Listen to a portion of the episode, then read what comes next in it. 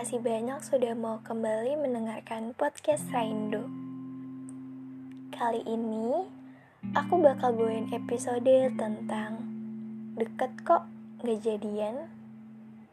Iya, topik ini cukup membuat aku flashback ke beberapa orang yang deket sama aku tapi tidak berakhir jadian gitu.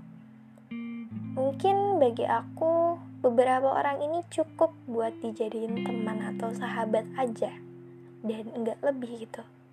Karena sayang aku tuh udah ya sayang nggak mau kehilangan. Prinsip aku gini kalau aku pacaran sama orang berarti aku udah siap kehilangan dia. Ya karena aku nggak mau kehilangan jadi aku nggak mau jadiin dia pacar gitu. Ya itu pendapat aku. Nggak tahu kalian. Dan mungkin beberapa orang sering banget di fase ini yang dekat doang tapi nggak jadian gitu. Berakhir jadi teman atau ya friendzone Oke, mari kita mulai. Berawal dari minta ditemenin tidur lewat telepon, dan semakin lama, kita semakin suka menghabiskan waktu bersama. Walaupun hanya bertukar kabar dan saling bercerita, tapi rasanya sangat senang banget kalau itu emang dia. Entah harus bagaimana aku menjelaskan hubungan aku sama dia, karena kita berdua sama-sama tahu bahwa kita tidak ada status apa pun. Ibarat kita nyaman, tapi tidak mau ada ikatan. Mungkin kita berdua terlalu takut akan komitmen. Apalagi yang sudah-sudah selalu pisah. Kau pernah dengar tidak?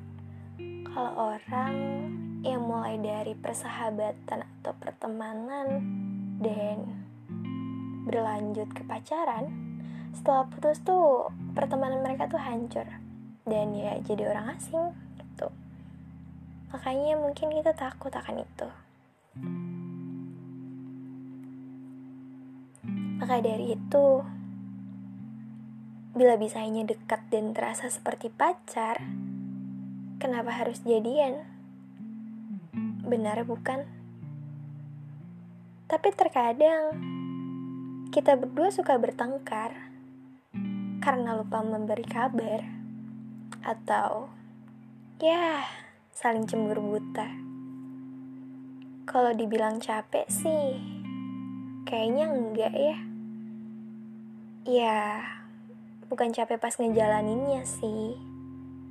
Tapi pas kita sama-sama udah ada di titik di mana sikap kita yang terlalu over di saat memang kita nggak ada status. Ibarat tuh ya, kalau mau marah, cemburu, kecewa, itu tuh semua ngegantung rasanya. Karena kita berdua bukan siapa-siapa. Teman bukan, pacar bukan, sahabat bukan. Lalu, bingung kan harus jawab apa. Dan jika kita komitmen, kurasa bukan jalan yang baik untuk dipilih. Ku takut itu hanya memperlambat perpisahan.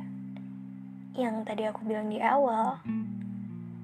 Apalagi aku harus membuang kebiasaan aku sama kamu. Ya, yang biasanya aku tidur ditemenin gitu lagi ke satu tempat gak ada temen aku VC kamu. Dan tiba-tiba kita berantem gara-gara mau putus terus aku harus ngilangin perilaku itu. Rasanya kayak sakit gitu kalau inget-inget dan kupikir-pikir itu nggak bakal terjadi dan aku nggak bakal mau. Kalau misalnya kamu ajak ajak untuk komitmen kurasa aku bakal nolak sih. Karena aku benar-benar sayang sama kamu tuh bener-bener sayang gitu.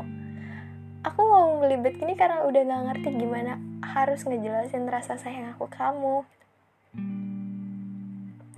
Dan aku harap kita bisa cukup cuman hanya sebagai teman dan tidak lebih. thank you